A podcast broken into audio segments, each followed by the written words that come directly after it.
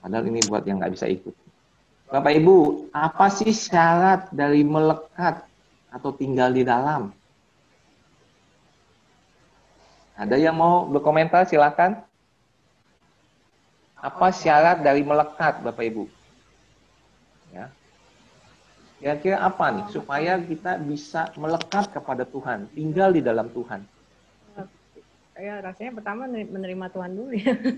Iya menerima Tuhan oh. ya pasti. Uh, berarti kalau udah menerima Tuhan pasti kan udah tinggal di dalam kan? Uh, seharusnya kalau nggak keluar. Uh, kalau nggak keluar, nah ya syaratnya apa nih kira-kira? Berserah apa? Berserah. Berserah diri ya. Oke saya catat dulu ya. Ber Serah. Apalagi? Uh, mengikuti perintah Tuhan gitu ya. Mengikuti perintah Tuhan. Hmm. Uh, firman Tuhan gitu kan. Hmm, perintah atau firman ya. Apalagi? Ya, ya pasti ya membaca firman ya. Kita nggak tahu firman Tuhan kalau nggak baca, kalau nggak dengar. Oh, pasti baca ya. Udah jadi satu ya. Jadi satu. Apalagi kira-kira apa yang harus syaratnya apa sih supaya melekat itu? Imannya, bro. Imannya ada ya. Oke. Okay. Apalagi?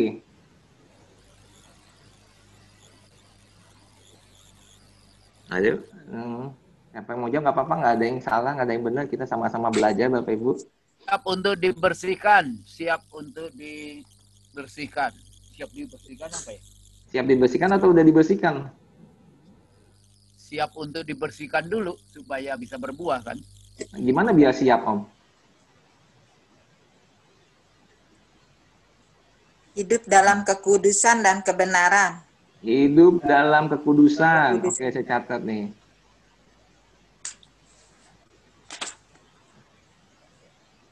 Oke, nah Bapak Ibu, oke, sekarang saya langsung lanjut ya. Saya kasih contoh ilustrasi seperti ini nih Bapak Ibu, ya. Saya pindah slide dulu. Kalau kita lihat Bapak Ibu, dari yang namanya rasa lapar, maka waktu ada rasa lapar, kita Makan, harus mengerjakan makan, dengan akibat nanti menjadi nyam. Betul nggak? ini adalah sebab. Ya, karena lapar sebabnya ya, terus kita melakukan tindakan makan akibatnya jadi kenyang. Kenyang. Nah, ini saya coba pelan-pelan nih Bapak Ibu, pelan-pelan. Ya. Waktu kita makan akibatnya kenyang. Betul? Ya. Nah, kenyang disebabkan karena apa? Makan. Betul ya? Jadi jangan dibalik nih Bapak Ibu. Ya. Waktu kita lapar, waktu kita makan, akibatnya jadi kenyang. Kenyang ini penyebabnya apa? Karena makan. Makan. Gitu. Nah, kalau tadi Bapak Ibu, ya, ini saya clear dulu. Ya. Tadi kan melekat itu, ya, akibatnya adalah bertumbuh, dibersihkan, kudus. Ya. Akibatnya nih Bu, Bapak Ibu ya, ini, ini akibat nih. Kemudian apa lagi?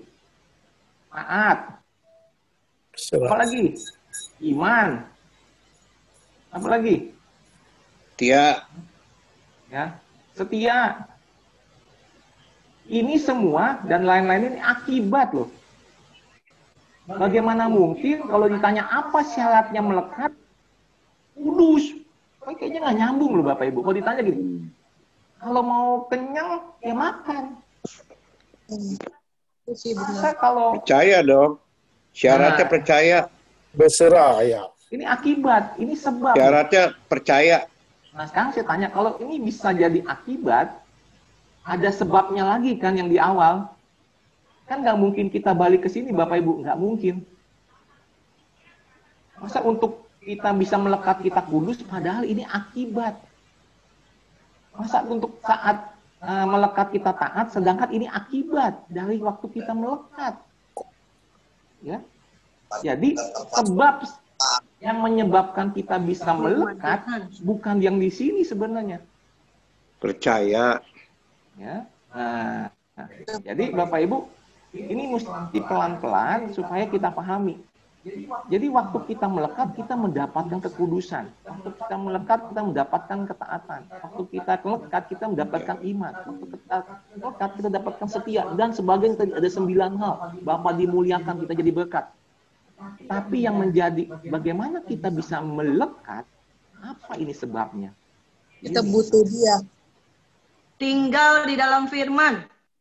Nah, sekarang jawabannya ada di ayat selanjutnya. Ya, kita lihat slide berikutnya. Bapak Ibu semangat sekali. Saya senang banget nih hari ini. Coba kita lihat Yohanes 15 ayat 9 sampai 17 nih Bapak Ibu. Ya. Saya bacakan pelan-pelan kepada Bapak Ibu, coba nanti temukan apa sih syarat melekat.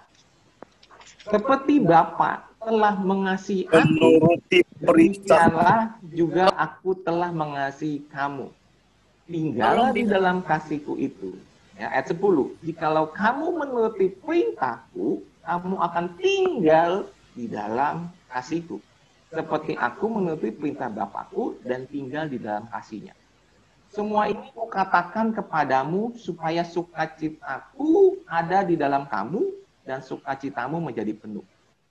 Ayat 12. Inilah perintahku, yaitu supaya kamu saling mengasihi 13, tidak ada kasih yang lebih besar daripada kasih seorang yang memberikan nyawanya untuk sahabat-sahabatnya. 14, kamu adalah sahabatku jikalau kamu berbuat apa yang kuperintahkan padamu. 15, aku tidak menyebut kamu lagi hamba, sebab hamba tidak tahu apa yang diperbuat oleh tuannya. Tetapi aku menyebut kamu sahabat, karena kamu telah memberi karena aku telah memberitahukan kepada kamu segala sesuatu yang telah kudengar dari Bapakku. 16. Bukan kamu yang memilih aku, tetapi akulah yang memilih kamu. Dan aku telah menetapkan kamu supaya kamu pergi dan menghasilkan buah. Dan buahmu itu tetap. Supaya apa yang kamu minta kepada Bapa dalam namaku diberikannya kepadamu. 17. Inilah perintahku kepadamu. Kasihilah seorang akan yang lain. Iya. Nah, Bapak Ibu, apa syarat dari melekat? Ya. Dari ayat yang kita baca, Bapak Ibu, tinggal di dalam Yesus. inilah syaratnya. Inilah Tinggal di dalam perintahku. Ya, dikatakan oleh Yesus di ayat 12 dan 17. Kasihilah satu dengan yang lain. Syaratnya cuma satu, Bapak Ibu. Kasih Tinggal di dalam Yesus. Kasih Tuhan. Syarat untuk melekat Bapak Ibu yang diperintahkan oleh Tuhan cuma satu, yaitu kasihilah Kasihilah orang seorang dengan yang lain. kamu Ya. harus saling mengasihi. Mengasihi. Bapak Ibu, rupanya Tuhan tahu kita sebagai manusia nggak bisa berbuat banyak. Kita nggak akan bisa kudus. Kita nggak akan bisa punya iman. Kita nggak akan bisa menjadi berkat, Bapak Ibu. Ya. Kalau kita nggak melekat, yaitu apa? Kalau kita nggak bisa mengasihi. Kenapa sih kita perlu mengasihi? Kenapa kita harus mengasihi satu dengan yang lain? Karena alasannya cuma satu. Tuhan lebih dulu mengasihi kita, Bapak Ibu. Jadi Tuhan mau kita melakukan satu hal aja yang benar-benar mendasar dan penting di dalam Alkitab. Kenapa? Karena kekristenan itu sederhana. Kekristenan itu simple. Yaitu untuk saling mengasihi. Itu aja. Ini perintah Tuhan jelas. Inilah perintahku katanya. Ya.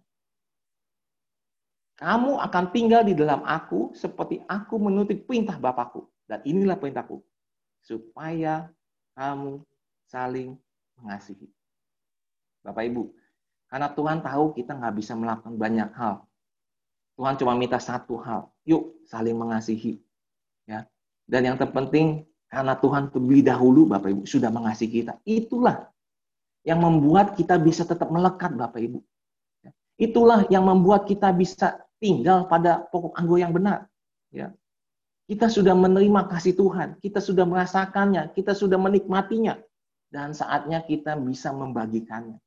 Kenapa? Karena Tuhan nggak pernah memerintahkan apa pun untuk kita belajar memberi yang nggak pernah kita dapatkan. Waktu kita sudah percaya Tuhan, berarti kita sudah menikmati cintanya Tuhan. Udah merasakan kasihnya Tuhan. Udah me, apa ya, tinggal di dalam kasihnya Tuhan. Dan Tuhan minta untuk kita saling mengasihi. Bapak Ibu, berapa banyak orang percaya sering berkata gini, aduh, saya kok kayaknya kering banget ya. Kayaknya kurang doa nih. Bukan masalah doanya. Bukan karena kurang doa. Aduh, kenapa sih nggak bisa hidup kudus ya? Ya? Aduh, saya mesti benar-benar taat sama firman Tuhan. Bukan masalah firmannya. Bukan masalah taatnya sebenarnya. Kok saya hidupnya gini-gini aja ya? Waduh, kurang beriman nih. Nggak salah dengan imannya. Kok doa saya hamba ya? Jangan sayangan, saya masih ada dosa nih. Bapak Ibu, nggak salah dengan kudus. Ya. Untuk hidup kudus kita harus melekat. Untuk punya iman kita harus melekat. Untuk bisa berdoa dengan lancar, punya komunikasi yang baik dengan Tuhan kita harus melekat. Tetapi yang perlu kita sadari kita sering kali lupa. Untuk melekat syaratnya cuma satu. Saling mengasihi. Bapak Ibu, kalau kita mau mengalami kebangunan rohani, mengalami namanya kasih yang mula-mula itu, ya, mengalami hadirat Tuhan, mengalami cinta Tuhan, kita semua harus saling mengasihi. Nggak ada syarat lain. Ya, ini perintah Tuhan. Ya. Dan kalau kita perhatikan lagi nih Bapak Ibu, dalam Yohanes 9 sampai 17, Tuhan kasih banyak berkat lagi. Apa saja yang bisa kita dapatkan di saat kita melekat. Ya. Dikatakan apa? Sukacita yang dari Tuhan penuh. Ya kita akan penuh dengan sukacita. Dikatakan kita bukan aja ini, kita jadi sahabatnya Tuhan. Berbuat apa saja yang kuperintahkan tadi, ketaatan menjadi murid. Kita juga apa? Memberi Tuhan tahu rahasia-rahasia apa yang Tuhan berikan kita dapat hikmat. Ya. Kita bisa pergi menjadi berkat, pergi untuk misi. Ya. Dan banyak hal. Dan saya menemukan nih Bapak Ibu, setidaknya ada 14 hal. Setidaknya nih Bapak Ibu. Bapak Ibu boleh gali lagi cari. Ini yang saya dapetin. Ya, sukacita menjadi penuh, menjadi sahabatnya Allah, mengetahui kehendak Bapak lebih lagi, ya. Dan kita punya kesadaran bahwa Tuhan memilih kita, bukan kita yang dipilih Tuhan. Bukan kita yang milih Tuhan, tapi kesadaran bahwa Tuhan yang milih kita. Dan kita bisa pergi untuk bermisi. Inilah yang Tuhan bagikan ke kita. Kalau kita melekat, Bapak Ibu. Dengan apa caranya? Saling mengasihi. Saling mengasihi. Nggak ada syarat lain, Bapak Ibu. Kalau engkau mau bisa berkomunikasi dengan baik, dengan Tuhan, berdoa, mengasihilah satu dengan yang lain. Kalau kita mau beriman, Bapak Ibu, mengasihilah. Kalau kita mau taat akan firman Tuhan, mengasihilah. Kalau kita mau dipelihara sama Bapak, mengasihilah. Ya. Kalau mau kita memiliki iman yang tangguh, mengasihilah. Kalau kita memiliki karakter Kristus, mengasihilah. Udah itu saya. Nggak ada cara lain Bapak Ibu. Ya. Ini akibat Bapak Ibu, semuanya akibat. Dan inilah sebabnya. Kalau kita belum mendapatkan akibat-akibat yang di sini Bapak Ibu, mungkin penyebabnya ini kita belum lakuin. Dan inilah kata firman Tuhan. Ya. Inilah kata Tuhan. Jadi jelas Bapak Ibu kenapa doa Bapak kami Tuhan berkata gini, ampunilah kami seperti kami mengampuni orang yang bersalah kepada kami. Bukan masalah ngampuni sebenarnya Bapak. Tuhan bilang begini, kalau engkau mengasihi, maka engkau akan mendapatkan hal ini. Engkau akan dikasihi Tuhan. Dengan apa? Engkau bisa hidup kudus. Engkau punya karakter Kristus. Engkau tahu rencana Tuhan. Engkau dipelihara Bapak. Apakah ini bukan bukti-bukti bahwa kita dikasihi oleh Tuhan Bapak Ibu? Bukti-bukti bahwa Tuhan mengampuni kita. Jadi sekarang jelas doa Bapak kami itu yang tentang mengampuni, yang kemarin saya bilang pemahaman saya sesuai dengan Roma 12 ayat 2 bahwa inilah rencana uh, kehendak Tuhan yang berkenan di hadapan Tuhan. Karena apa? Di Roma 12 ayat 2 ada kehendak Allah yang baik, yang berkenan dan yang sempurna. Masalah iman yang kemarin kita katakan yang kita bahas, ya berikanlah kami makanan kami pada hari ini, ini adalah kehendak Tuhan yang baik. Setiap kita orang percaya harus memiliki iman. Ya. Dan yang kedua, kehendak Allah yang berkenan, Bapak Ibu. Yaitu kita mengasihi satu dengan yang lain. Ya. Kenapa boleh saya katakan ini kehendak Tuhan yang berkenan? Karena memang inilah perintah Tuhan, Bapak Ibu. Berapa banyak firman Tuhan yang dikatakan oleh Yohanes, ya. Saya kasih lihat nih Bapak Ibu. Yohanes di dalam surat yang lain dikatakan gini. 1 Yohanes 3 ayat 11. Sebab inilah berita yang telah kamu dengar dari mulanya. Bahwa kita harus saling mengasihi. 1 Yohanes 3 20. Inilah perintahnya supaya kita pertama percaya, ini nomor satu, kepada atas nama Yesus Kristus anaknya dan yang kedua nih supaya kita mengasihi. Ini syaratnya cuma gini doang Bapak Ibu. Ya. Mengasihi sesuai dengan perintah yang diberikan Kristus kepada kita. Ini Yohanes. Ya. Dan Paulus juga mengatakan Bapak Ibu. Paulus bahkan mengatakan lebih tegas lagi.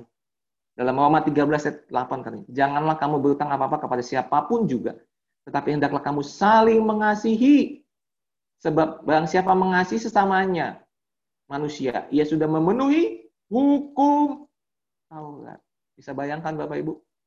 Bapak Ibu mau melakukan seluruh firman Tuhan, nggak usah banyak macam-macam Bapak Ibu. Cukup dengan mengasihi. Jangan bilang, ayo jaga kekudusan, ayo taat, ayo beriman, ayo berdoa. Kalau enggak mengasihi, percuma Bapak Ibu. Paulus berkata apa? Bertolong-tolonglah, saling mengasihilah, menanggung bebanmu. Demikianlah kamu memenuhi hukum Kristus. Bapak Ibu, selama ini kita terkecoh. Kita dipikir kalau mau melekat kepada Tuhan, mau tinggal di dalam Tuhan, ayo banyak berdoa. Ayo jaga kekudusan. Ayo beriman. Itu semuanya akibat. Nggak bisa kita kejar, Bapak Ibu. Tapi kita harus melakukan penyebab bagaimana kita bisa melekat, yaitu mengasihi.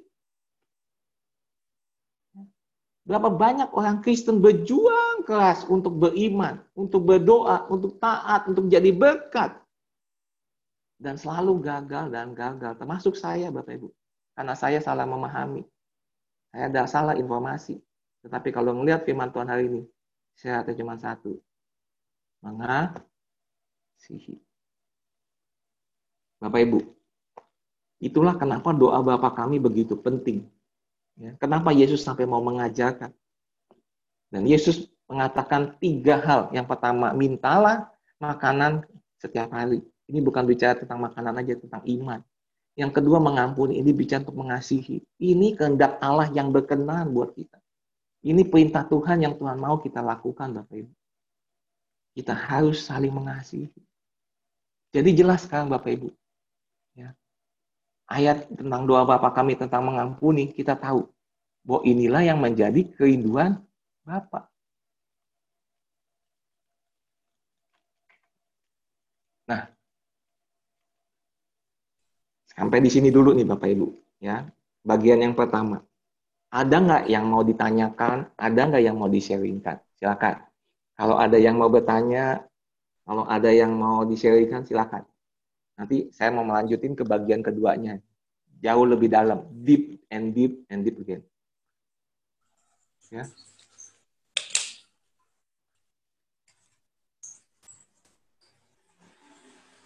Ya, apa? Uh, jadi sepertinya mengasihi itu gampang gitu ya. Betul.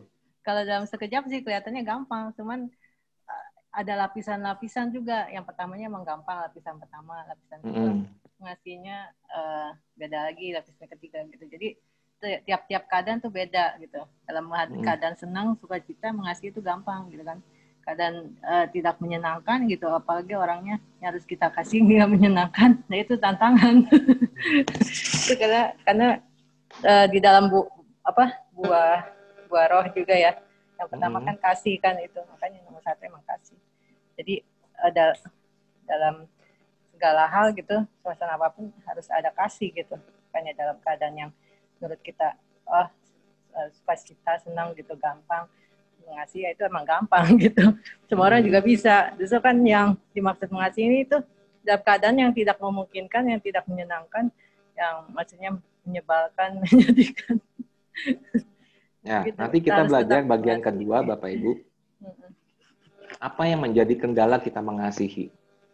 Ya, nah sekarang tapi sekarang bagian pertama, kira-kira Bapak Ibu mulai nangkep nggak maksud dari doa Bapa kami yang ampunilah kami akan kesalahan atau dosa kami seperti atau sebab kami mengampuni orang yang bersalah kepada kami. Ya. Jadi bukan masalah mengampuni Bapak Ibu. Mau nggak kita mengasihi seperti Tuhan mengasihi kita? Mau nggak kita saling mengasihi? Ya. Saya rindu banget gereja kita nggak ada fraksi-fraksi Bapak Ibu Nggak ada ini golongan Paulus, nggak ada ini golongan Apolos, seperti yang Alkitab katakan. Tapi berapa banyak berita yang beredar di gereja kita. Oh, ini golongannya si A. Oh, ini pengikutnya si B. Oh, ini pengikutnya si C. Aduh, saya bilang, ini yang menjadi doa Yesus di Taman Getsemani, Bapak Ibu. Sebelum dia mati di atas kayu salib, sebelum dia mau mencurahkan darahnya, dia berdoa supaya kita menjadi satu. Ya, kepada siapa? Kepada murid-muridnya. Termasuk juga kepada siapa? Kepada orang yang mendengar pemberitaan mereka. Siapa ya kita sekarang ini Bapak Ibu? Untuk kita menjadi satu, saling mengasihi. Ya. Amin Pak. Percuma, Siap. Percuma Bapak Ibu kalau kita jago firman, kita tahu firman, tapi kita nggak melakukan ini. Tetapi Tuhan buat begitu sederhana Bapak Ibu. Kalau kita melakukan saling mengasihi, kita sudah melakukan semua hukum Taurat. Kita sudah melakukan hukum Kristus. Jadi selama ini kita diajarkan, kalau engkau menjadi orang percaya, ayo banyak berdoa, ayo hidup kudus, ayo ini. Tapi nggak pernah diajarkan, diperlihatkan bagaimana kita saling mengasihi. Saya punya kerinduan Bapak Ibu, di komunitas kita, di gereja kita. Kita mulai dari kita, yuk saling mengasihi. Ya. Karena ini yang menjadi kerinduan Tuhan di dalam doanya kepada kita. Ya, saya harap kita semua bisa tergugah, kita semua bisa memahami ini, ya. Yuk sama-sama kan kita menyadari ini dan kita kembali kepada yang Tuhan kehendaki. Gitu. Ya, memang betul kata Ibu Vivi tadi nggak gampang Bapak Ibu. Ngomongin ngampunin tuh nggak gampang. Aduh. Ya. Punya mungkin punya saudara yang menyebalkan, ipar yang menjengkelkan, ya, mungkin punya mantu yang keras kepala, punya suami atau istri, aduh, malas udah diomongin, gitu. Pasti, apalagi di sekitar kita rekan sepelayanan lah, dan sebagainya. Ya, saya nggak ngomong metua, takutnya saya direkam lagu Handi lagi ada masalah lagi gitu. ya, mungkin aja ada dengan metua, dengan mantu begitu kan. Nah, Bapak Ibu, yuk hari ini kita harus belajar. Ya, jangan kejar akibatnya, lah. Ya, kalau kita lapar, kita makan aja Bapak Ibu, pasti kenyang. Jangan kejar kenyangnya, nggak bakal kenyang-kenyang. Kalau kita lapar, makan. Pasti. Nggak perlu usaha pasti kenyang bapak ibu. Pasti kenyang. Begitu juga kalau kita mau beriman kalau kita mau jadi berkat kalau kita mau taat kalau kita mau kudus melekat. Yaitu syaratnya dengan saling mengasihi. Sesimpel ini rupanya firman Tuhan yang selama ini kita pelajari. Ya. Rupanya cuma Tuhan minta kita saling mengasihi seperti aku telah mengasihi kamu. Wah ini memang berat banget Bapak Ibu. Berat banget. Saya pun masih terus belajar. Ya. Nah, ada lagi mungkin kalau enggak kita saya lanjut nih Bapak Ibu ke bagian kedua. Ini soalnya ada tiga bagian. Nah sekarang begini pertanyaan, bagaimana sih mengasihi? Kan nggak gampang loh Bapak Ibu. Bener, Bu Vivi bilang nggak gampang. Nah, mari kita lihat Bapak Ibu, apa yang terjadi pada awal mulanya Bapak Ibu. Ya, saya coba share screen lagi supaya dapat gambar polos nih Bapak Ibu. Ya. Jadi saya bisa coret-coret. Gambarnya yang ini lagi salah. Sebentar, saya salah pencet. Hmm. Ya, bagaimana caranya kita bisa mengasihi ini Bapak Ibu? Nah, ini yang penting. Kalau enggak kita mengetahui, kita akan kesulitan. Ya. Bapak Ibu, waktu Tuhan meminta kita untuk mengasihi, ya. Ini gambar saya, hati kasih. Ya. Kenapa kita bisa mengasihi? Ini anggapannya kita nih manusia. Ya. Kita bisa mengasihi orang lain ya, ke sini. Karena Tuhan lebih dulu mengasihi.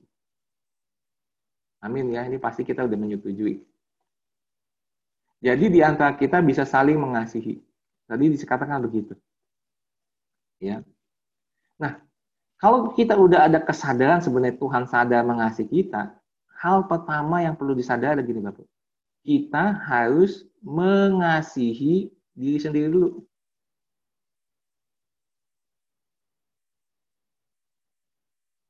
Kalau kita nggak bisa mengasihi diri sendiri, Bapak Ibu, percayalah, kita nggak akan pernah bisa mengasihi orang lain.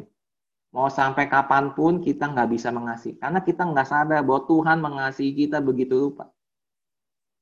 Makanya kita perlu pembaharan budi, sadar, pemahami. Memahami kesadaran, kebahagiaan kita yang kita udah belajar waktu itu tentang sesi identitas Bapak Ibu, gambar diri. Ya. Sadar, kita ini berharga di mata Tuhan kebahagiaan ini penting untuk menyadarkan kita bahwa kita itu dikasih Tuhan. Jadi kita bisa mengasihi diri sendiri. Kalau kita nggak bisa mengasihi diri kita, Bapak Ibu, kita nggak akan mungkin bisa mengasihi orang lain. Nggak akan mungkin. Nggak akan mungkin. Ya. Nah, kan kita lihat nih Bapak Ibu. Ingat kejadian di Taman Eden? Ya. Di Taman Eden ada dua pohon ya Bapak Ibu. Pohon apa yang pertama? Pohon kehidupan ya. Betul nggak? Ya, di Taman Eden di tengah-tengah itu ada dua pohon. Yang kedua adalah pohon pengetahuan baik dan jahat. Pertanyaannya, mana yang dilarang Bapak Ibu? Yo, yang mana yang dilarang?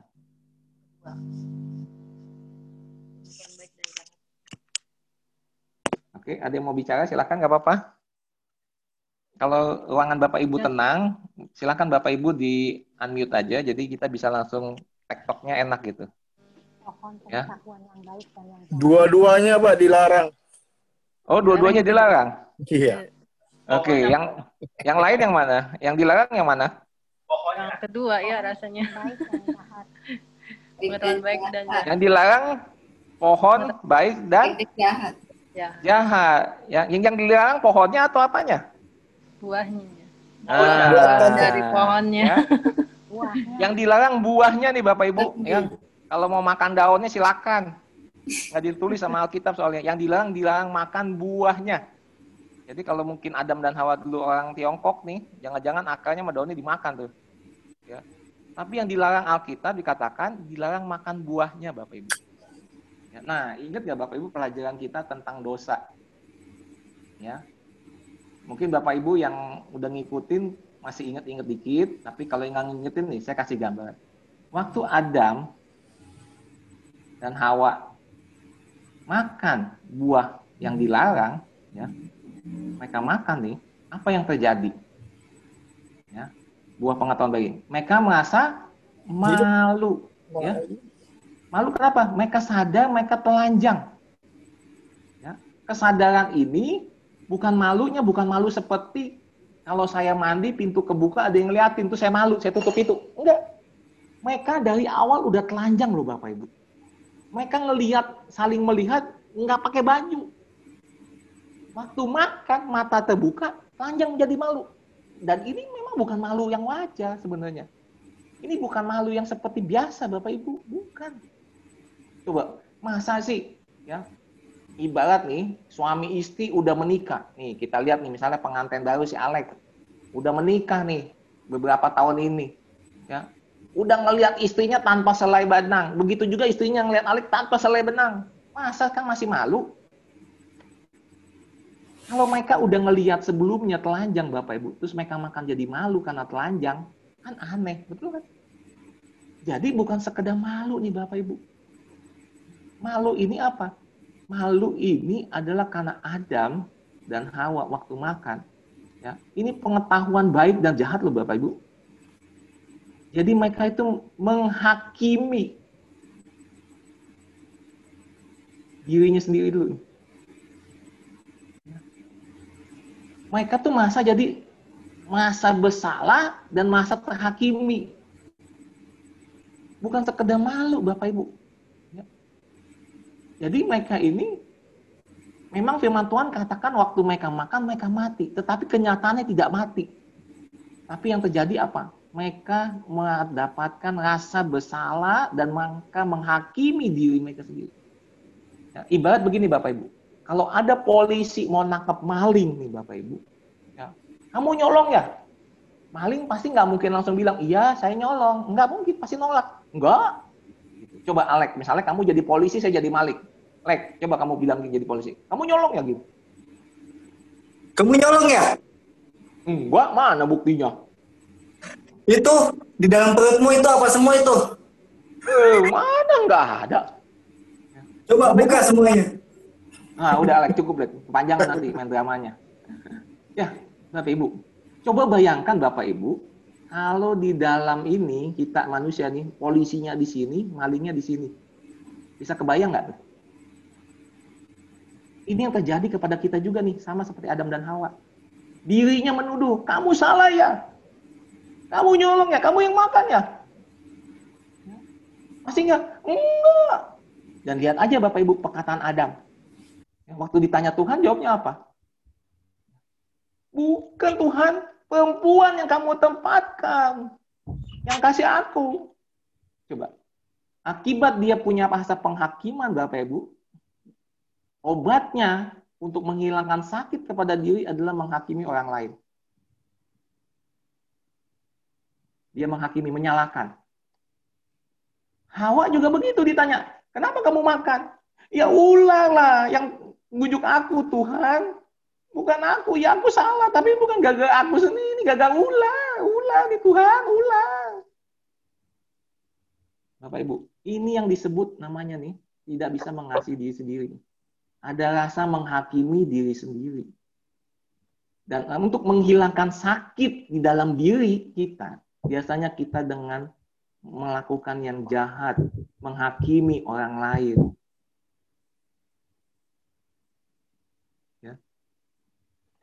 Ini yang harus kita selesaikan dulu nih Bapak Ibu. Gimana bisa kita mengasihi orang lain kalau kita nggak bisa mengasihi diri kita sendiri?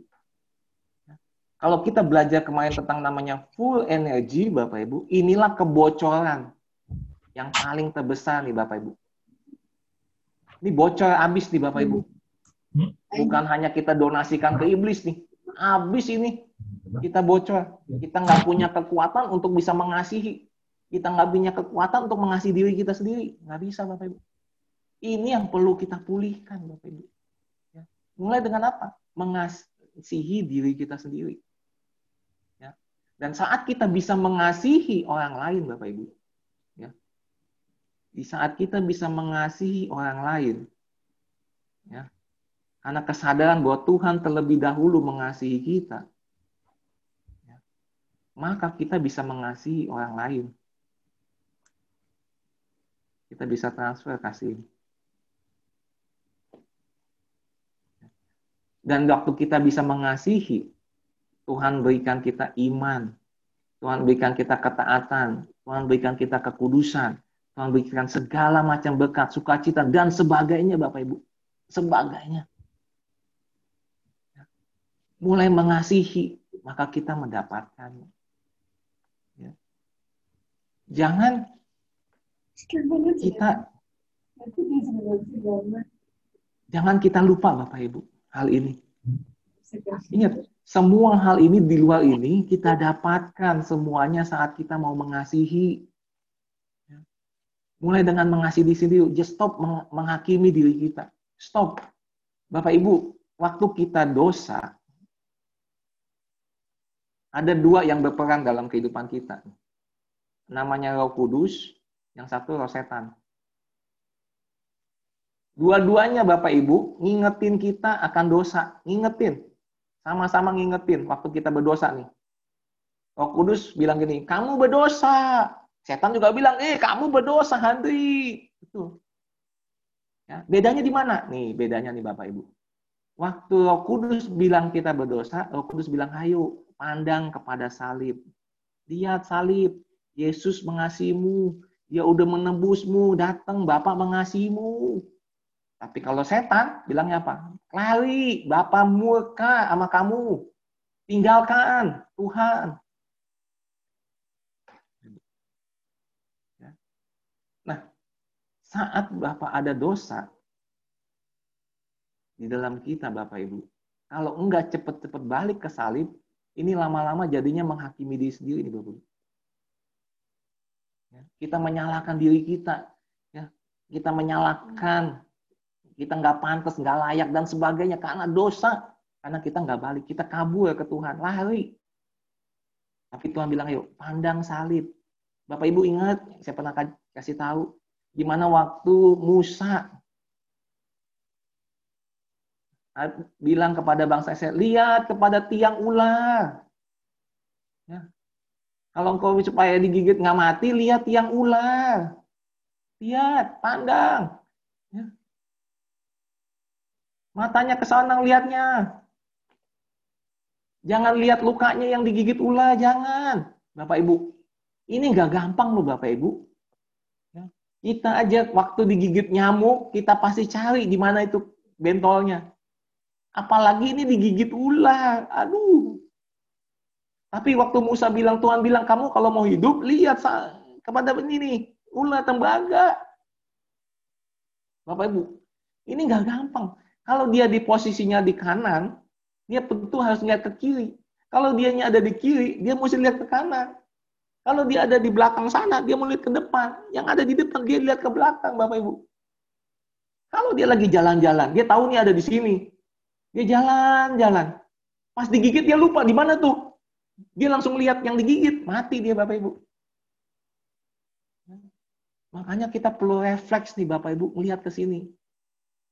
Ini yang saya sering ajak, yuk Bapak Ibu kita renungkan firman Tuhan. Kenapa? Dengan merenungkan kita membangun refleks nih Bapak Ibu. Sehingga waktu terjadi sesuatu, kita ingat firman yang pernah kita renungkan. Firman yang pernah kita baca. Firman yang pernah kita hafalkan. Sehingga kita langsung lihat kepada karya salib Yesus.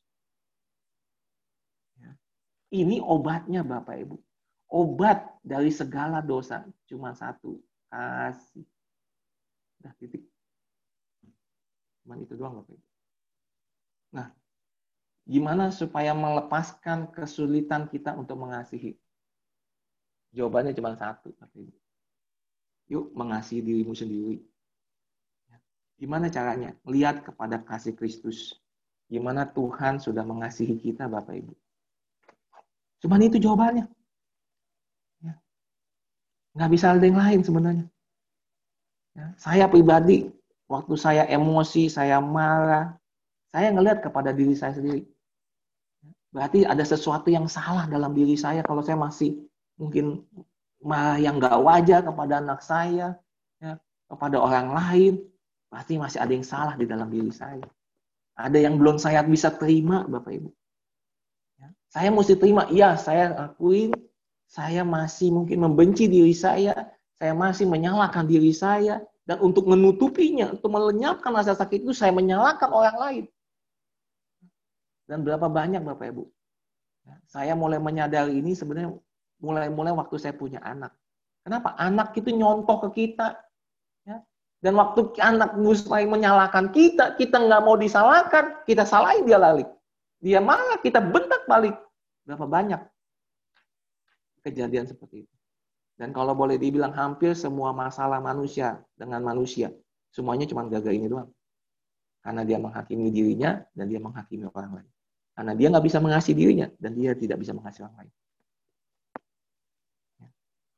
Bapak Ibu yang pernah dengar konseling atau dengar curhatan dari anggota komselnya sebagai gembala sel, coba dibayangin. Semuanya cuma gagal ginian kan?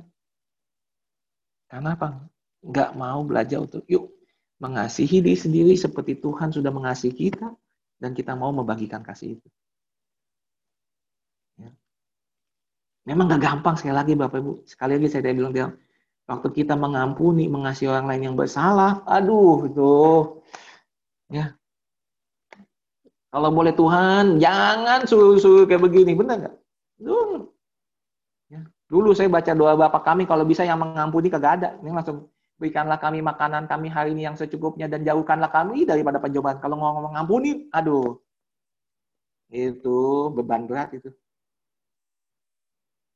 Nah, Bapak Ibu, yuk hari ini kita akan dapat pemahaman baru. Bagi saya ini ini pemahaman saya. Bapak Ibu mau terima silakan, enggak juga nggak apa-apa. Saya nggak memaksa dan saya nggak mau berdebat. Tetapi yang saya pahami firman Tuhan jelas, waktu kita mengasihi, kita melakukan seluruh hukum Taurat dan hukum Kristus. Berarti apa? Kuncinya cuma satu ini. Kalau kita mau mengalami kekudusan, kalau kita mau mengalami berkat, kalau kita mau mengalami ketaatan, kalau kita mau mengalami segala macam yang Tuhan janjikan itu, cuma satu kuncinya. Mengasihi. Oke? Okay? That's it Bapak Ibu yang saya mau bagikan. Masih ada waktu setengah jam, mungkin ada yang mau di-sharingkan, ada yang mau dibagikan, silakan. Ya. Kalau di mimba, khotbah mungkin cuma satu arah, tapi saya bersyukur kita bisa sharing dengan ada pandemi ini, saya bersyukur kita bisa diskusi sekarang. Ya. Menurut Bapak Ibu gimana? Apa yang Bapak Ibu dapat pahami? Ya, ada kesaksian kah? Ada cerita kah? Ayo, silakan kita berbagi. Saya, Pak. Silakan Pak Ramli. Terima kasih Pak atas firman hari ini Pak. Di mana ya. tadi pagi saya sama istri, ya di mana istri kan tahun tahun-tahun yang lalu kan pernah dijahatin, dijambret hmm. gitu jatuh. Hmm. Ini tangan yang jatuhnya ini kan yang sepertinya tergeser ini dia masih merasakan sakit Tadi hmm. pagi masih merasakan sakit ya hari ini. Saya hmm. bilang kita kan sudah ampuni. Ternyata hmm. luar biasa hari ini firmannya. Firmannya sudah mengajarkan kepada saya Pak hari ini Pak tentang hukum utama ini Pak yaitu kita harus saling mengasihi ya. Ya, yang pertama kita harus kasih Tuhan kita kasih Allah kita dengan segenap hati kita. Ya, hmm. hukum kedua ini kasihilah sesama kita ya kan. Yeah. Untuk hari ini saya mendapatkan hikmat daripada firman ini, Pak. Hmm. Mengajarkan saya tentang pengampunan ini, Pak. Hmm. Saya sudah mengerti banget hari ini bahwa dengan mengampuni orang itu kita tidak kuat seperti tadi ada saudari kita yang bilang Gimana bisa ampuni orang yang berbuat jahat sama kita? Kita belajar, percuma juga. Nanti kalau datang sakit lagi, kita ingat hmm. lagi orang berbuat jahat sama kita. Kita hmm. ulangi lagi, ampuni. Belajar dari firman Tuhan, ampuni. Hmm. Tapi sampai kapan hari ini, luar biasa malam ini, saya baru tahu bahwa dengan kasihilah diri kita sendiri ini, karena kita tahu bahwa Allah Bapa kita terlebih dulu mengasihi kita, hmm. kita pasti bisa mengampuni dengan sepenuh, dengan seluasnya mungkin ya, sampai nanti saya akan ceritakan kepada istri bahwa dengan kasih itu yang bisa mengampuni, Pak. Terima hmm. kasih Pak hari ini sudah mengajarkan firman yang luar biasa ini Pak untuk menjawab Sama-sama. menjawab pertanyaan tadi pagi ini Pak. Ya, ya tadi pagi saya sama-sama istri sudah berdoa, bilang kita kan sudah mengampuni, jangan dipikirin lagi. Tetapi hmm. kalau kalau datang ininya istri pasti menanya lagi, aduh sakit. Ingat lagi orang yang berbuat jahat. Kita bilang hmm. ampuni kan kita sudah ampuni. Ternyata hmm. hari ini luar biasa. Kita harus mengasihi diri kita sendiri dulu dengan yakin bahwa Allah Bapa kita terlebih dulu yang mengasihi kita Melalui kasih Tuhan ini kita bisa mengampuni orang. Amin. Saya percaya hari ini firman Tuhan sangat menguatkan kami, Pak. Terima Amin. kasih. Terima kasih, Tuhan berkati. Tuhan berkati. Mungkin ada yang lain, silakan. Bisa saya tambahin? Iya, silakan. Jagoan. Sebenarnya poinnya kita baca yuk 1 Petrus 1 ayat 1 sampai 9. Coba saya cari ya. 1 Petrus 1 ayat 1 sampai 9. Bagaimana kita bisa bertumbuh? Bagaimana kita bisa mengasihi? Kita dulu harus bisa mengasihi diri sendiri, betul gak Andre ya? Mm -hmm. Ya, kita baca 1 Petrus 1 ayat 9.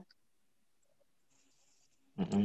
Kita harus percaya bahwa kita ini dipanggil untuk apa gitu loh. Kita dipilih untuk apa. Nah, itu kita bisa bertumbuh dan kita bisa berbuah-buah. 1 Petrus 1 ayat 1 sampai 9. Karena itu buanglah, buanglah segala kejahatan, segala tipu muslihat, satu Petrus dan segala bukan, macam kemunafikan. Maaf sih, satu Petrus berapa? Satu Petrus. Satu Petrus bukan? Satu ayat 1 sampai 9. Kalau satu dari Petrus, Rasul Yesus Kristus, awalnya begitu, Ci. Karena itu buanglah segala kejahatan, itu di mana tuh? Bentar. Hmm, satu Petrus 2 ya? Bentar, saya cari ya. Karena itu buanglah segala kejahatan, tipu muslihat. Satu Petrus 2. Satu Petrus 2 ayat 1. Satu Petrus 2, ya atasnya sih satu batu satu. Karena itu buanglah segala kejahatan, segala tipu muslihat, dan segala kemunafikan, kedengkian, dan fitnah. Nah, yang pertama itu kita harus membuang segala kejahatan, segala tipu muslihat di dalam hati kita. Kita harus membereskan hati kita. Munafik, kedengkian, fitnah, kemarahan, kebencian, itu harus dibuang, Tuhan bilang. Jadilah seperti bayi yang baru lahir, yang selalu menginginkan air susu yang murni, firman Tuhan, dan yang rohani. Supaya olehnya kamu dapat bertumbuh dan beroleh keselamatan. Jika kamu benar-benar telah mengalami bahwa Tuhan itu baik, diubah. Kita harus bisa mengubah diri kita. Ada tekad untuk berubah. Dibangun menjadi rumah rohani bagi tempat kediaman Allah. Diri kita sendiri harus dibangun menjadi imamat yang kudus dan melayani Tuhan. Datanglah kepadanya batu yang hidup itu, yang memang dibuang oleh manusia, tetapi dipilih dan dihormati di hadirat Allah. Biarlah kamu juga dipergunakan sebagai batu hidup. Kita harus sadar, kita adalah batu hidup. Ada roh Allah di dalam hidup kita.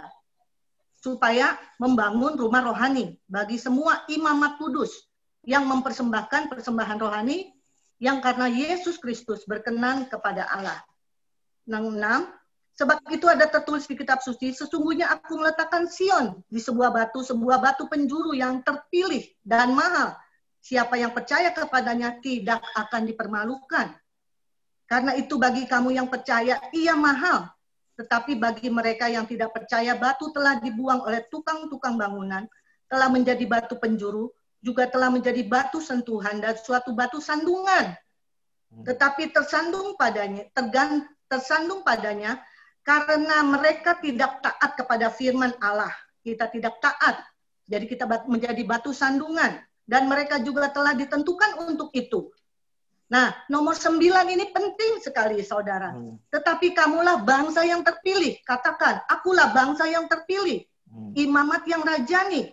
Bangsa yang kudus umat Allah supaya aku memberitakan perbuatan-perbuatan yang besar dari dia yang telah memanggil kamu keluar dari kegelapan kepada terangnya yang ajaib. Kamu dahulu memang bukan umat Allah, tetapi sekarang telah menjadi umatnya.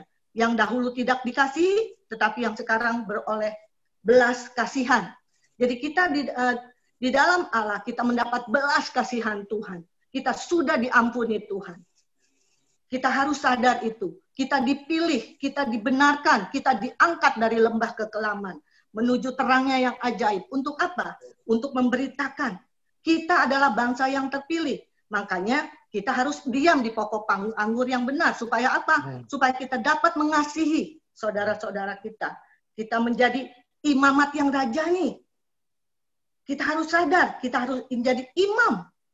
Imam yang rajani, bangsa yang kudus, Aku adalah bangsa yang kudus. Dari situ kita harus punya komitmen. Kita adalah bangsa yang kudus. Harus punya tekad dengan membaca firman, dengan mengasihi. Kalau kita sendiri tidak dibenarkan, mustahil kita bisa mengasihi orang-orang sekitar kita. Hmm. Kalau kita nggak sadar bahwa kita bangsa yang dipilih Allah, kalau kita nggak sadar kita dikasihi Allah, ada kasih Allah, kita mustahil kita bisa mengasihi sesama kita. Kita harus buang dulu segala kekotoran batin kita dari hati. Orang bisa mengasihi itu dari hati. Kalau hati kita dengki, dendam, benci, ada kemunafikan, ada fitnah, itu mustahil. Dari hati kita dulu harus dibenarkan. Dari diri kita harus tinggal dalam pokok anggur yang benar bahwa bahwa baru kita bisa mengasihi Tuhan, mengasihi sesama dan menjadi bangsa yang terpilih. Itu nggak mudah, harus punya tekad harus berlari-lari kepada tujuan, harus berlari bukan jalan, bukan santai. Jadi harus ada tekad untuk kita dibenarkan, kita dimenangkan dulu, kita dipulihkan dulu, baru kita bisa mengasihi sesama. Amin. Nah itu baru terlaksana di Matius 28 ayat 19. Pergilah, jadikanlah bangsa muridku. Baptislah mereka, ajarlah mereka. Ya itu ya Andri ya. Jadi ya. bagaimana kita bisa mengasihi harus dirinya kita dulu dibenarkan. Harus dibuang dulu segala kekotoran-kekotoran batin kita. Buanglah segala kekotoran-kekotoran batin kita dan terimalah firman dengan lemah lembut Tuhan bilang yang ada di dalam hati kita yang membersihkan jiwa kita. Jiwa itu harus dibersihkan dulu, batin kita harus dibenarkan dulu, baru kita bisa mengasihi saudara-saudara kita. Amin. Amin. Itu aja Handi. Thank you, thank you Ci. Ya. Jadi Bapak Ibu, saya ingetin lagi pelajaran kita waktu itu tentang nggak berdiri, ya bahwa kita harus menyadari keberadaan diri kita, keberhargaan diri kita. Harga diri kita di mata Tuhan nggak berubah, nggak naik turun kayak dolar, ya, nggak kayak turun kayak saham, nggak. Yesus yang udah mati di kayu salib, itulah tempat di mana Bapak melihat kita. Ya, Bapak melihat salib. Dia selalu melihat salib. Ya, dia nggak melihat kita lagi. Ya. Dia benci memang sama dosa. Sampai detik ini iya. Tetapi yang perlu disadari, dia nggak benci kepada kita. Ya. Dia nggak benci kepada kita. Makanya kita harus perlu sadar bahwa kita ini adalah nah, pilihan Tuhan. Kemarin kita udah belajar ingat yang ada di Efesus, kita pilihan Tuhan, kita anak Tuhan, kita tebusannya Tuhan. Ya. Itu Efesus 1 ayat 4 sampai 7. Kita pilihan Tuhan, kita anak Tuhan, kita mempelainya Tuhan, tebusan Tuhan. Ya. Inilah identitas kita yang sebenarnya. Jadi waktu kita berdosa itu cuma doingnya Bapak Ibu. Ya, coba saya kasih sedikit gambar nih Bapak Ibu. Ya.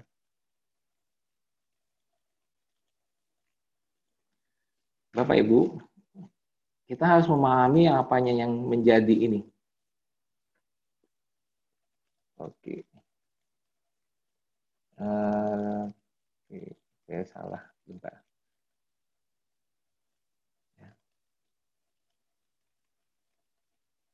Ada be, ada do, ada have nih Bapak Ibu. Ya mungkin ini kayak pelajaran bahasa Inggris, tetapi ini perlu kita sadari Bapak Ibu. Saya jadi ingat tadi apa yang Ibu Agwat sharingkan, jadi kita perlu ngerti ini. Ya, be, do, have. Waktu kita berdosa Bapak Ibu, ini adanya di do, dosa. Be kita nggak berubah Bapak Ibu. Kita ini adalah pilihan. Kita ini adalah anak Tuhan. Kita ini tebusan Tuhan. Ini nggak berubah Bapak Ibu. Sampai kapan pun nggak berubah. Tetapi waktu kita berdosa, ngelakuin dosa ini, masalah ini di cuma didu. Yang Tuhan benci dosanya, bukan kitanya. Tuhan tetap mencintai kita, Bapak Ibu. Dia tetap mencintai kita. Tapi dia benci dengan yang namanya dosa. Seringkali nih, orang Kristen, saya dan beberapa orang, waktu berdosa yang dilihat binya. Aduh, saya nggak layak nih, saya nggak pantas nih. Yang dilihat ini yang jelek, padahal enggak. Yang Tuhan lihat ini yang Tuhan gak mau. Ini yang harus dibuang, kata Tuhan. Bukan kamunya. Ya. Lihat banyak perumpamaan Tuhan Yesus tentang anak yang hilang. Gimana Bapak mengasihi. Bukan masalah anaknya. Dosanya yang Tuhan gak mau. Nah, banyak kita sering kali yang kita dengar suara setan. Lari, kabur. Dan banyak juga orang Kristen juga kadang, maaf kata nih, berlaku seperti setan. Ya, kamu gitu ya, selingkuh. Ah, nggak pantas kamu. Ah, udahlah, nggak ada harapan buat kamu. Kita malah jadi bagiannya orang setan. Bukan ngingetin lagi, ayo bertobat, balik kepada salib. Pandang kepada salib. Bertobat, ayo. Datang Tuhan mengasihi kamu.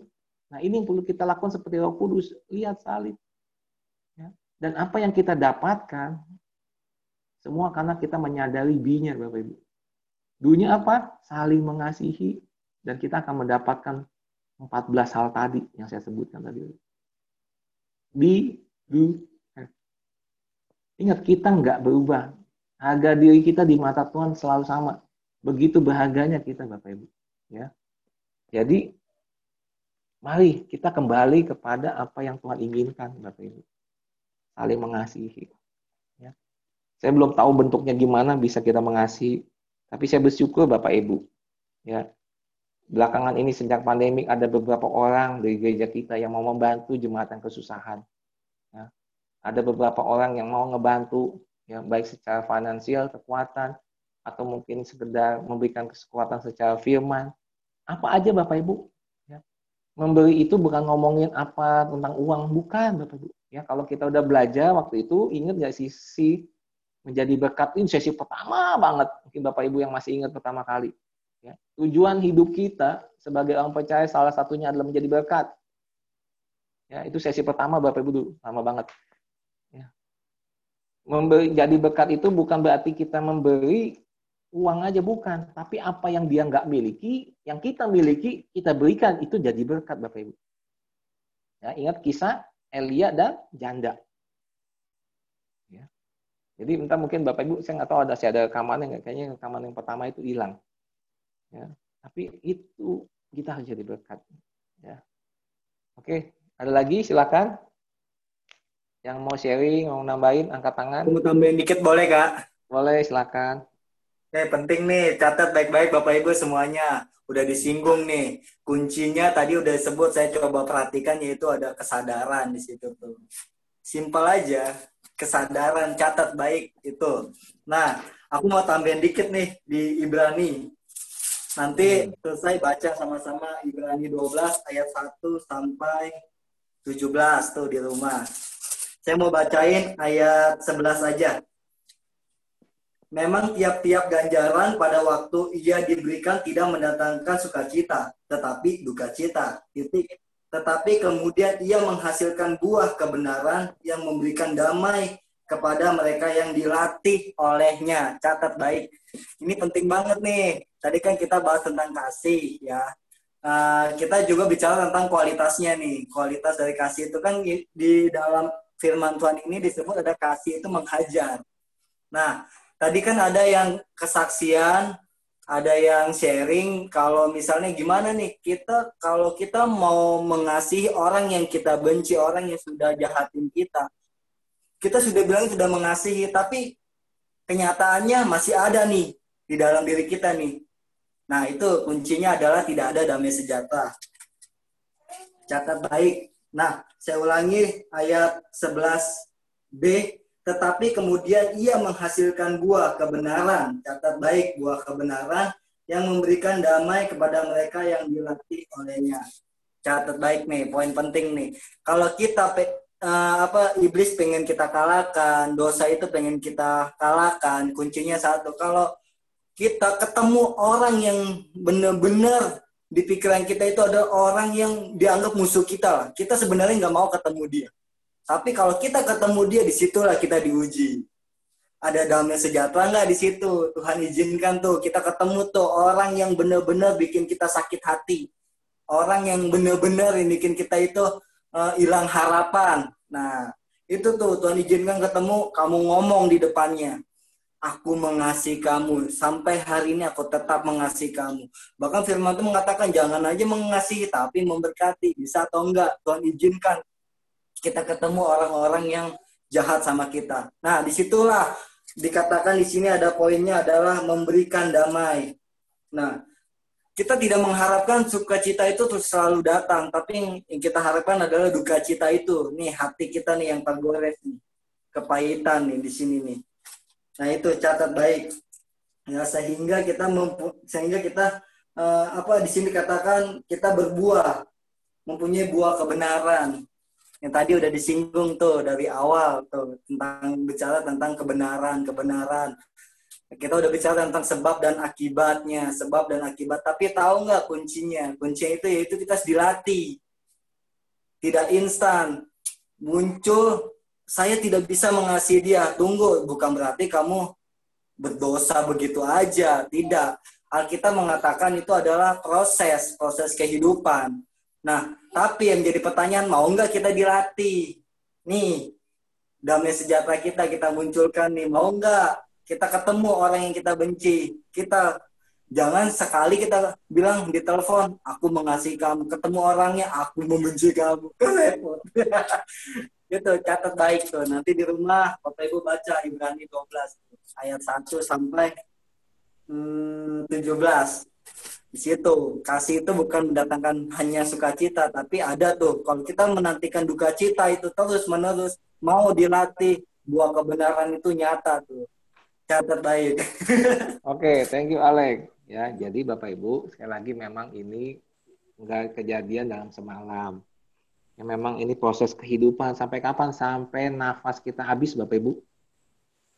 Ya, saya setuju Pak, saya setuju Pak. Saya membagikan ini bukan berarti saya udah sempurna Bapak Ibu. Sekali lagi, saya juga masih belajar, jujur. Ya, kenapa saya mau bagikan ini? Satu Bapak Ibu, supaya saya diajar Kedua apa? Supaya saya punya orang-orang seperti Bapak Ibu, saudara sekalian, kalau sampai Bapak Ibu ngelihat saya belum bisa melakukannya, tolong jadilah seperti Roh Kudus ingetin saya. Cuma itu aja harapan saya. Ya. Ya, sering kali kan saya katakan lagi, semua orang sama-sama belajar. Ya, dan semua orang proses belajarnya beda-beda kan. Kita yang punya anak, kadang kita tahu nih, anak yang satu belajarnya cepet, anak yang kedua belajarnya lambat. Kan tapi tetap sama-sama anak kita. Nah yang ketiga Pak, kita ingetin terus anak kita yang belajarnya lambat. Ayo belajar lebih lagi supaya bisa. Ya, semua bisa karena biasa Bapak Ibu. Jadi saya juga mengingatkan diri saya sendiri sebenarnya. Ya, ya sekali lagi, di mana pun saya mengajar BPN kayak mau SAD, ya saya bilang gini, saya ngelakuin ini jujur aja, saya mau egois sebenarnya. Egois kenapa? Mau ngingetin diri saya sendiri sebenarnya. Egoisnya saya, iya. Saya cuma mau ngingetin diri saya supaya saya jangan sampai seperti itu. Ngajarin bimbingan panika, kenapa mau capek-capek ngajarin bimbingan panika? Supaya pengen punya pernikahan yang lebih baik. Udah gitu aja. Kalau saya nggak ngajarin, saya nggak bakal belajar lagi Bapak Ibu. Ya, pokoknya tahunya udah tahu aja nggak. Saya mau belajar dengan terus mengajar. Belajar dan nah makanya Bapak Ibu di mana pun ada kesempatan silakan. Bagikan apa yang saya udah bagikan silakan. Mau ditambahin lagi di dalamin silakan. Mungkin saya nggak terlalu banyak kupas ayat, tetapi Bapak Ibu bisa. Yuk, dengan kita berbagi, maka kita juga dibagi. Ya, jadi tolong nanti kalau misalnya ngelihat saya mulai yeah. menyimpang, ngelantur, tolong Bapak Ibu ingetin saya. Amin. Kak, Ibu Nori mau nanya tuh. Oh iya, silakan Ibu Nori. Ini ada suaranya enggak ya? Ada, ada. Saya dengar dengan jelas kesaksian dikit ya. Silakan. Hmm. Ini memang tidak mudah. Hmm. Bisa untuk mengampuni, memaafkan orang yang menyebalkan kita, yang gitu bikin ulah, yang macam-macam gitu ya. Di sini saya tidak perlu uh, siapa dia, saudara juga tidak perlu siapa itu, ya, saudara tidak hmm. perlu tahu siapa. Saya tidak tidak boleh sampai membesarkan gitu ya. Cuman ini kebesaran Tuhan yang kita tunjukin ya. Roh hmm. Kudusnya Tuhan bekerja ya. Waktu tempo hari saya masih ikut uh, kunjungan. kita kan tidak tahu nih ikut kita pengikut jadi ikut aja supir ngajak kita di mana kan nah hmm. tiba-tiba udah dekat rumahnya waduh ini oh, yang ternyata yang dituju orang yang saya sebel gitu ya. Aduh deh gini gimana? Pokoknya orang yang menyebalkan sekali lah gitu. Bikin ulah bermacam-macam gitu. Nggak ada hmm. habis-habisnya. Jadi bikin jengkel. Juga pernah ngedobrak ke rumah saya gitu. Hmm. saya tidak hiraukan gitu. Ternyata itu Roh Kudus itu bekerja yang memang kalau kita pikiran kita manusia tidak mampu bisa memaafkan orang yang kita sebel, yang kita aduh yang udah udah yang udah bikin mumet gitu ya. Ternyata sampai di rumahnya hmm. Roh Kudus bicara, peluk dia. Puji Tuhan, saudara. Sampai di situ rasanya gimana damainya. Saya peluk dia hmm. kencang. Hmm. Itu luar biasa. Pikiran kita tidak mampu tapi Roh Kudus mampukan. Roh Kudus yang menyuruh, tapi Roh Kudus yang bekerja untuk kita. Itulah yang saya kesaksian. Untuk Terima kasih Ibu Nali. Kita udah malam. Oke. Uh, ini Ibu Helena udah ada. Biasa. Soalnya di saat itu damainya luar biasa. Luar hmm. biasa. Sepertinya sesudah itu tuh berbunga-bunga. Sebelum lihat dia tuh jauh-jauh, aduh rasanya gimana, aduh rasanya gimana ya. Kalau salaman pun salaman, tapi di hati kita masih enak gitu. Tetapi hmm. sudah itu hati kita penuh sukacita itu luar biasa. Tuhan ganti jadi sukacita. Amin. Itulah kesaksian yang saya dapat. Roh Kudus bekerja. Ya, makasih Ibu Noi buat kesaksiannya. Nah, Bapak Ibu seperti di awal tadi, uh, Ibu Helena mau bersaksi tentang uh, kehidupannya. Silakan mungkin Ibu Helena. Apakah ada mendengar suara saya? Oh ya, Ya, saya mau berterima kasih untuk teman-teman yang udah berdoa untuk adik saya Waktu hari Jumat lalu itu adik saya kan operasi.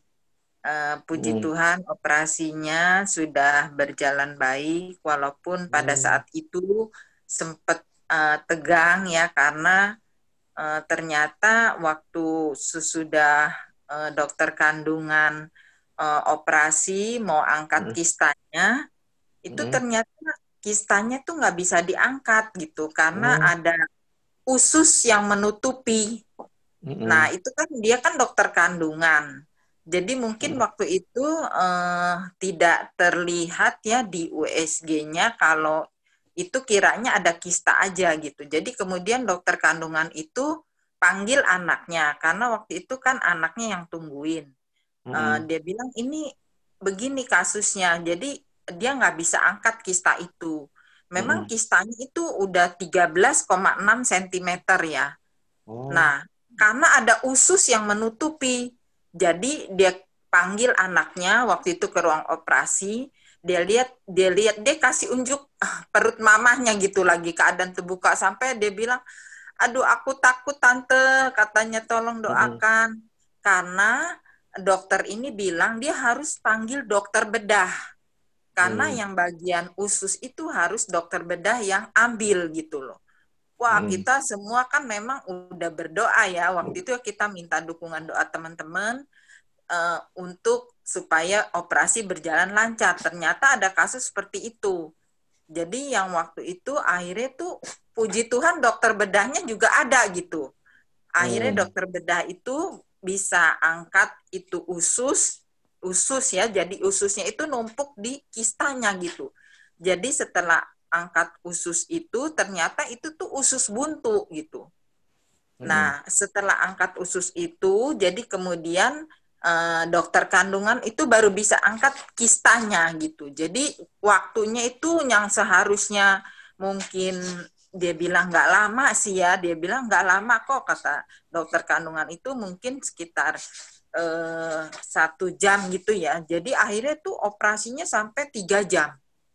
Jadi hmm. waktu itu kita terus terang keluarga juga tegang ya terus ya udah cuma kita semua berseru sama Tuhan, minta pertolongan Tuhan, minta hikmat Tuhan untuk dokter itu menangani.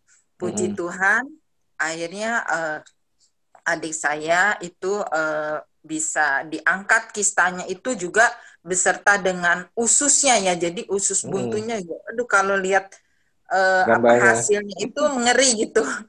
Di situ saya bisa uh, ngucap syukur ya kalau pertolongan Tuhan itu tidak terlambat karena kuasa doa teman-teman semua juga yang berdoa akhirnya operasi berjalan dengan baik. Yang menurut dokter memang itu uh, apa stadium 2B katanya begitu. Terima hmm. kasih teman-teman ya uh, okay. Tuhan bekerja dan okay. terima kasih untuk doa-doa yang dinaikkan untuk adik saya. Itu kesaksian saya. Iya, sama-sama Ibu. Oke, ada lagi Bapak Ibu? Andri? Iya, silakan. Si. Aku nambahin dikit ya. Iya, boleh. Tadi kan uh, kesulitan untuk mengasihi orang lain, Andri bilang, ayo kita mengasihi diri kita sendiri gitu. Hmm. Uh, karena kita kan, kamu bilang kita harus uh, kita harus sadar kita tuh berharga di mata Tuhan. Waktu kita sadar di mata Tuhan, kita tuh identitas kita kan bersih di hadapan Tuhan, itu kan yang Handi bilang kan.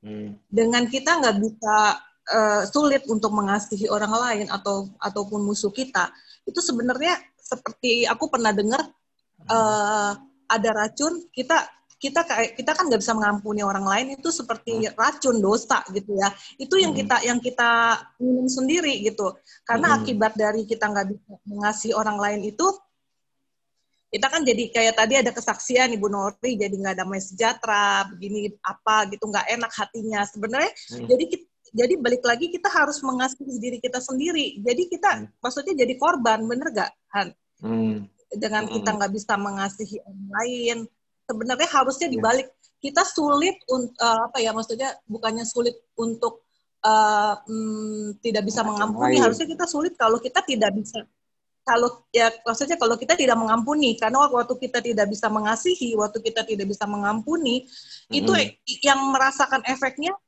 ya kita sendiri diri kita kita harus kasihani diri kita sendiri gitu kan mm-hmm. maksudnya kamu yeah. ya Han kasih mm-hmm. diri kita sendiri kita jadi jadi kita di posisi yang eh, apa ya tadi kata kamu kita kan udah jadi pilihan anak tebusan gitu kan jadi hmm. sayang gitu. kita harus sayang diri kita sendiri dengan kita nggak mengasihi orang lain kita yang terima nggak enaknya gitu hmm. kayak gitu oke okay. nah coba saya sederhanakan ya Ci maksudnya gini bapak ibu okay. saya sering kali ilustrasikan mengam kalau kita nggak mengampuni itu begini bapak dengan adanya kebencian ya yang membara ya panas hati ya kita seakan-akan begini nih seakan-akan nih ilustrasi saya kita lagi ngebakar diri kita berharap orang yang kita benci mati dengan asapnya ya dengan apa yang kita lakukan lah yang dia tahu gelagat kita lah padahal yang mati duluan kita karena kita yang lagi kebakar Bayang nggak Bapak Ibu? Kalau kita lagi benci sama orang nih, kita lagi penuh amarah nih, panas, berapi-api karena api kebencian. Terus kita melakukan sesuatu yang pengen dia biar tahu lu, gue benci sama lu, gue buang muka. Berharap dia mati dengan kelakuan kita, padahal yang nggak dia nggak bakal mati-mati. Hmm. Yang mati kita dulu karena kita yang kebakar. Ya, kita langsung kita tambahin bensin, kita tambahin minyak tanah, biar makin panas kita, biar kamu mati dengan asap saya. Enggak bakal mati dianya Bapak Ibu. Yang mati kita duluan malah. Nah, jadi kenapa Tuhan juga mau mengasihi? Karena yang rugi kalau kita nggak mengasihi, kalau kita nggak mengampuni, yang rugi diri kita sendiri. Iya. Mulainya gimana? Yuk mengasihi dirimu. Lihat seperti Tuhan melihat kita, Bapak Ibu. Ya, itu kenapa Tuhan mau ayo mengasihi. Ya, karena kamu mendapatkan banyak berkat loh dengan kekudusan, dengan ketaatan, dengan menjadi berkat, dengan uh, sukacita yang penuh, itu semua waktu engkau mengasihi. Udah. Ya. Jangan kejar itu semua, lakuin aja satu deh. Coba rasain waktu kamu belajar untuk mengasihi, Betapa mudahnya engkau berdoa, betapa mudahnya engkau mau melakukan firman, betapa mudahnya engkau mau menjadi berkat. Karena engkau mau mengasihi. Betapa mudahnya. Iya. Nah, Bapak Ibu sekali lagi, ini ngomongin soal doa. Ya, doa itu adalah bukan memaksakan kehendak kita, tetapi memaksakan kehendak kita selaras dengan kehendak Tuhan. Ya, nah, sebagai penutup nih Bapak Ibu. Bapak Ibu kan tahu kisah Yudas ya memang di kisah para rasul dikatakan bahwa Yudas katanya membeli di sebidang tanah dan kemudian dia mati di sana. Tetapi sebenarnya di Matius dikatakan ya dia itu nggak beli tanah itu Bapak Ibu. Duit itu dibuang di bait Allah. Ya, Bapak Ibu bisa baca di Matius 27. Dia buang itu uang. Kenapa? Karena dia salah paham. Sebenarnya Yudas kesalahannya itu bukan karena dia jual Yesus Bapak Ibu. Bukan. Kalau menurut saya nih pemahaman saya, Bapak Ibu boleh koreksi, boleh terima atau enggak terserah Bapak Ibu. Tapi pemahaman saya enggak. Kenapa? Karena murid-murid Yesus Bapak Ibu dari dulu mereka cuma berebut posisi dan jabatan. Udah taunya itu. Mereka cuma taunya Yesus akan menjadi raja, membebaskan mereka dari tentara Romawi, dari jajahan Romawi. Dan mereka selalu berebut posisi dari awal pelayanan Yesus sampai akhir. Mereka belum memahami maksud kedatangan Yesus ke dunia. Belum. Nah, apa yang Yudas lakukan? Yudas memaksakan kehendak dia dengan memasukkan Yesus ke dalam baik Allah supaya Yesus bisa melakukan mujizat yang dia pernah lihat waktu Yesus lakukan. Supaya apa? Biar mereka tahu ini loh, eh, ahli Taurat, kamu mesti lihat nih Yesus yang kamu mesti lihat. Dia bisa mengubah air jadi anggur. Dia bisa mengubah rot, lima roti dan dua ikan untuk lima ribu orang, laki-laki. Dia bisa lakukan itu. Dan dia kasih tahu ke ahli Taurat, nih, kamu bawa aja dia. Dengan maksud supaya dia berpikir, berkehendak, supaya Yesus melakukan revolusi di situ. Tetapi waktu dia tahu bahwa Yesus akhirnya akan dihukum mati dan disalibkan, betapa menyesalnya dia bahwa kehendak dia yang nggak terjadi. Ya, jadi apa kesalahan Yudas? Karena dia memaksakan kehendak kita, mengkehendak dia kepada Tuhan. Ya, kalau kita juga masih memaksakan kehendak kita, Bapak Ibu, kepada Tuhan, maksa-maksa apa yang kita mau, kita doain dan segala macam. Hati-hati, jangan-jangan kita sama kayak Yudas. Ya. Nah, sekali lagi nih Bapak Ibu, kisah tentang Pantai Costa nih Bapak Ibu. Ini pemahaman saya sekali lagi. Tapi Bapak Ibu mau terima atau enggak, tapi saya ngelihat beberapa ayat ada indikasi-indikasi begini Bapak Ibu. Seperti yang saya tadi katakan bahwa murid-murid Yesus tidak memahami apa maksud utama Yesus datang dan mereka cuma berebut jabatan dan posisi. Ya, pada waktu Yesus naik ke surga, kemudian mereka balik ke loteng yang namanya loteng Yerusalem, ya. Sampai di situ mereka juga belum bisa memahami apa maksudnya kedatangan Yesus mesti datang, mati, dan kemudian naik ke surga. Belum tahu. Dan kemudian Alkitab mengatakan mereka kumpul di loteng Yerusalem ya sebanyak berapa? 120 orang. Nah, coba nih Bapak Ibu, siapa yang pernah ke Israel? Berapa gede sih loteng Yerusalem? Ada yang pernah lihat? Ada 1000 meter Bapak Ibu? Yang pernah ke Yerusalem coba. Gede nggak sih loteng Yerusalem? Ya, Bapak Ibu coba sekali-sekali googling aja di internet coba. Kalau lihat di internet Bapak Ibu, itu ruangan kagak gede-gede amat Bapak Ibu. Bisa bayangkan nggak Bapak Ibu? Itu sekitar mungkin nggak nyampe 200 meter persegi. Kecil Bapak Ibu. Ya, coba bayangin, di 200 meter persegi kumpul 120 orang. Ya, AC kagak ada, tempatnya tertutup karena ketakutan. Coba bayangin itu. Kalau yang kentut di pojok kanan, pasti semua ruangan bau itu. Bisa kebayang nggak tuh? Ya, terus mereka selama berapa hari di situ ngumpet? 10 hari loh Bapak Ibu, 10 hari. Itu kalau yang satu lagi ngorok, waduh, mungkin nggak bisa tidur itu yang lain kalau yang tidurnya mesti tenang. Bisa kebayang nggak itu sumpeknya kayak apa, panasnya kayak apa? Ya, saya nggak tahu tuh. Waktu itu toiletnya kayak apa tuh?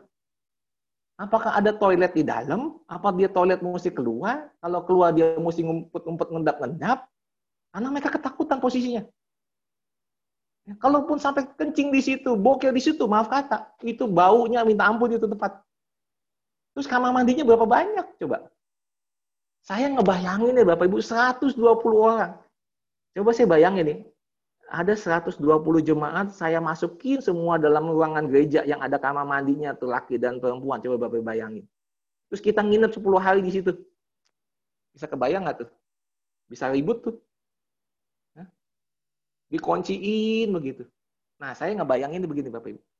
Waktu mereka berkumpul semua, kan itu ada pengikutnya. Petrus, pengikutnya. Nah, Yakobus, ya mungkin ada keluarganya, segala pada ngikut di situ tuh. Ya, entah yang kecil, entah yang gede, saya nggak tahu tuh apa yang dihitung, cuma laki-laki doang di situ. Kalau kita biasanya suka ininya begitu. Ya. Pasti tuh ribut iya bisa. Berantem juga iya juga bisa tuh Bapak Ibu. Nah, indikasinya apa yang saya bisa lihat? Mereka belum sampai kenal karena mereka sampai ngambil undi untuk apa? Pengganti Yudas berdasarkan apa yang ditulis oleh Daud. Ya, Bapak Ibu bisa baca di Kisah Rasul 2. Kalau mereka sebenarnya sudah paham Pak maksud dan tujuan Yesus datang ke dunia, mereka nggak perlu undi-undian sebenarnya. Nggak perlu. Ya. Tapi coba lihat, setelah diundi, yang termuncul adalah siapa namanya? Matias. Pernah nggak tertulis bagaimana Matias punya pelayanan? Nggak ada Bapak Ibu. Jangan-jangan itu memang bukan kehendak Tuhan. Tapi karena apa? Karena supaya jabatannya, kalau di, di kisah pasal sebuah, supaya jabatannya digantikan orang lain. Berarti apa? Ngomongin jabatan Bapak Ibu. Dari dulu ngomonginnya jabatan. Nah, saya ngebayangin ini di Bapak Ibu, ya ini pemahaman saya. Waktu mereka berkumpul, mereka duduk bersama di sana, itu mereka tuh bukannya malah hidup sesuai dengan saling mengasihi, tapi masih ribut. Jadi, dalam kondisi yang begitu, saya bisa bayangkan Bapak Ibu, bagaimana situasi kacau itu sebenarnya di dalam itu. Ya, mungkin mereka nggak mau saling berbagi, tetapi waktu mungkin nih, saya nggak bayangin, waktu Petrus dan yang murid-murid yang utama habis mengundi, terus mereka bikin gimana, tuh Yesus gimana ya? Terus ngomongin apa aja ya? Dan mereka terus mungkin men-sharingkan apa yang diajarkan Yesus, mereka membagikan sehingga mungkin ada catatan-catatan tertulis, ada kitab Matius, kitab Lukas, di kitab Yohanes. Itu semua hasil cerita mereka. Bapak Ibu. Dan kemudian mereka lihat, oh iya ya Tuhan Yesus mengajar untuk kita mengasihi ya. Dan mereka mungkin saling berbagi makanan, mereka berbagi tempat, mereka melakukan kasih Bapak Ibu. Pas hari ke-10, Pentakosta itu terjadi. Jadi, sekali lagi, doa itu bukan kita menunggu Tuhan. Tuhan yang nunggu kita loh Bapak Ibu. Kalau mau ada kebangunan rohani, ya, bukannya kita berdoa minta Tuhan, Tuhan tolong kebangunan rohani. Padahal Tuhan lagi nunggu. Kamu yang mulai. Mau nggak kau kamu ngasih? Saya bayangan saya, Pentakosta itu datang di saat semua murid-muridnya menyadari bahwa mereka untuk saling mengasihi Bapak Ibu. Bukan nunggu Tuhan sebenarnya, Tuhan yang nunggu mereka tuh. Ya. Yuk, kalau kita mendambakan nih Bapak Ibu, di komunitas kita, di gereja kita, ada kebangunan rohani. Jangan ada golongan-golongan, jangan ada faksi-faksi. Jangan, yuk, mulai yuk kita bersatu. Kita ini pengikut Yesus, titik. Nggak ada pengikut siapa, pengikut siapa, nggak ada.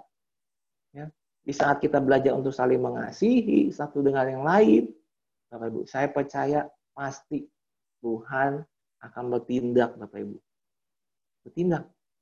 Dan kan Tuhan nunggu kita nih, mau nggak kita mulai? Itu. Ya. Tuhan nunggu kita. Ya.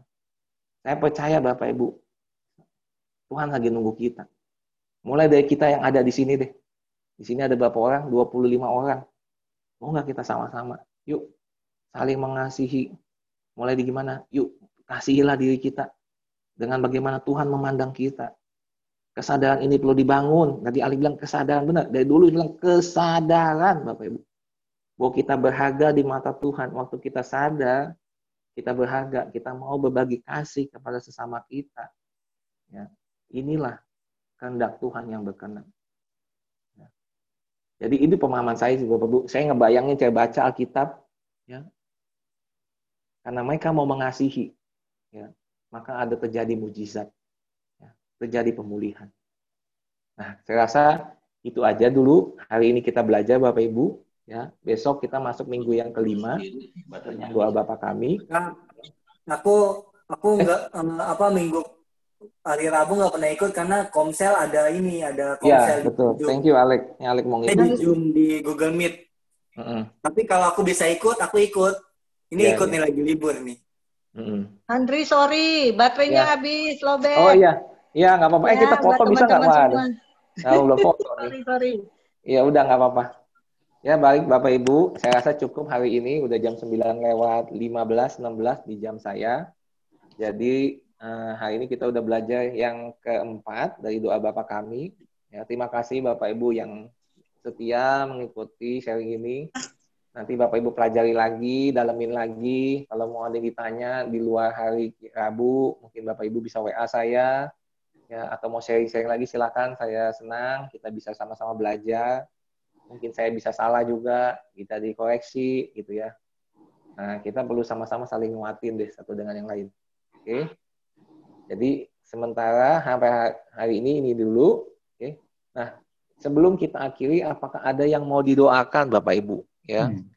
kita percaya doa orang yang benar besar kuasanya gitu Ya Andre, ya silakan Om Hadi ya ini hari saya diem aja nih, banyak, nggak biasanya banyak ngomong ya, nih Hmm. kali diem aja. Tolong doain kami berdua. Mm-mm. Ya tadi kalau tadi ada kesaksian soal dokter bedah tuh, Mm-mm. saya ingat. Jadi tiga minggu lalu kan saya udah beri kesaksian. Saya ada di UGD sampai 7 jam waktu itu ya. Nah, sebelum saya di UGD, kira-kira sebulan sebelum saya dibawa ke UGD, istri saya pun udah masuk ke UGD itu waktu itu. Hmm.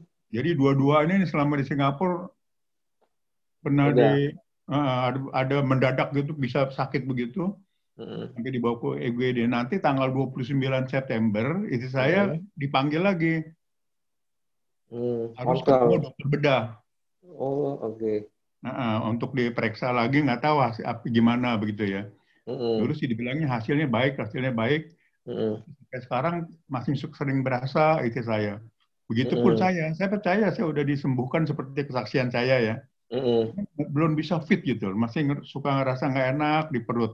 Istri Mm-mm. saya juga di perut masalahnya gitu loh. Iya, Jadi tolong doain kesehatan kami berdua gitu. Baik, Om. Sama rencana Baik, istri, istri mau mesti ketemu dokter bedah lagi 29 September. Mm-mm. Oke. Baik, Om. Nanti kita berdoa. Jadi Kita juga begitu Andri masih energi. masih nggak bisa fit seperti biasa begitu. Iya. Nggak- masih ada rasa-rasa takut kalau soal aktivitas yang terlalu seperti biasa. Jadi saya Mm-mm. udah banyak kurangin aktivitasnya. Iya. Tolong ya Andri ya. Baik, Om. Nanti Terima kita kasih. sama-sama berdoa ya sama teman-teman di tempat ini. Ada lagi Bapak Ibu, Om Tante yang mau didoakan?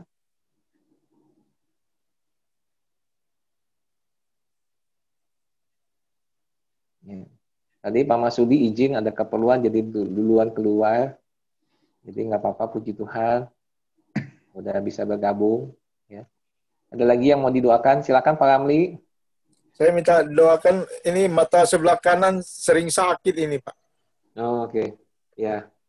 Iya, makanya dalam berapa minggu saya kadang-kadang nggak ikut kan karena ininya sakit saya merem-merem ketiduran. Oh, oke oke. Ini sebelah Bengkak kanan gitu ya, Pak? Pak. Bengkak Hah? ya? Bengkak gitu atau? Ya kadang-kadang sakit aja gitu. Oh, sakit aja. Iya, sepertinya kalau naik motor kena angin itu sakit nggak bisa nggak bisa ini dia Oke. bisa keluar air mata gitu. Hmm. Oke oke. Baik, nanti kita doakan. Ada lagi Bapak Ibu? Itu aja, Pak. Iya, makasih Pak Ramli. Ada yang mau didoakan? Silakan. Nggak ada? Oke. Baik Bapak Ibu. Sekarang eh, saya coba minta siapa yang mau ikut berdoa juga, yang mau berdoain buat Pak Hadi dan Pak Ramli. Silakan saya buka kesempatan untuk berdoa nanti. Saya tetap dukung dalam doa juga, ya. Ya, tapi yang mau mendoakan siapa? Saya berikan kesempatan.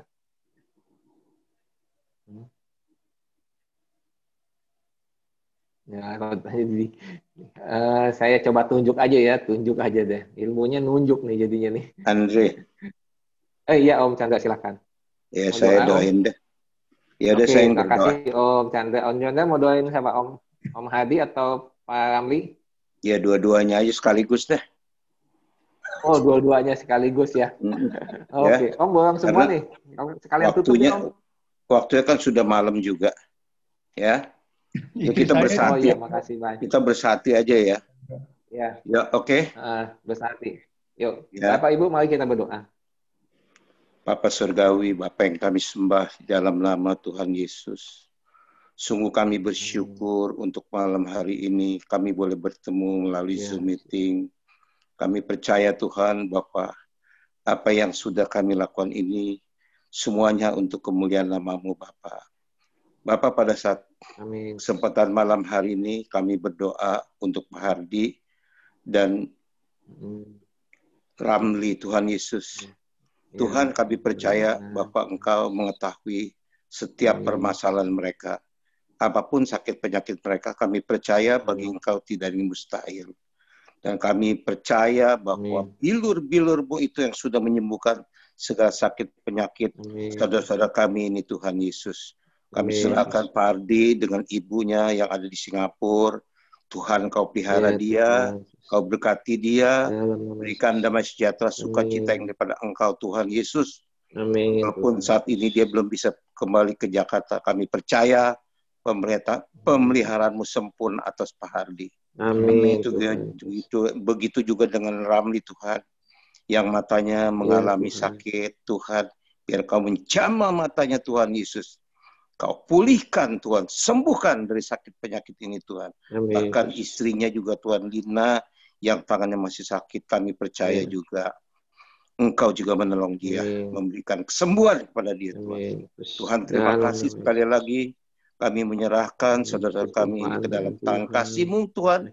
Di dalam berkat nama Tuhan Yesus kami alaskan doa kami. Haleluya. Amin. Amin.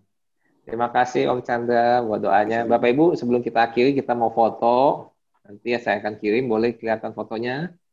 Ya, lebih cepat, lebih baik supaya bisa difoto. Silakan Bro Yuda, Bro Jimmy, Bro Indra, Bu Vivi, Ibu Lina, Ibu Pak Budi, Pak Keri.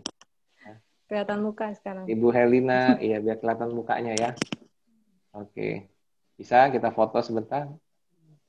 Oke, kita foto ya. Lihat ke kamera. Satu, dua, tiga.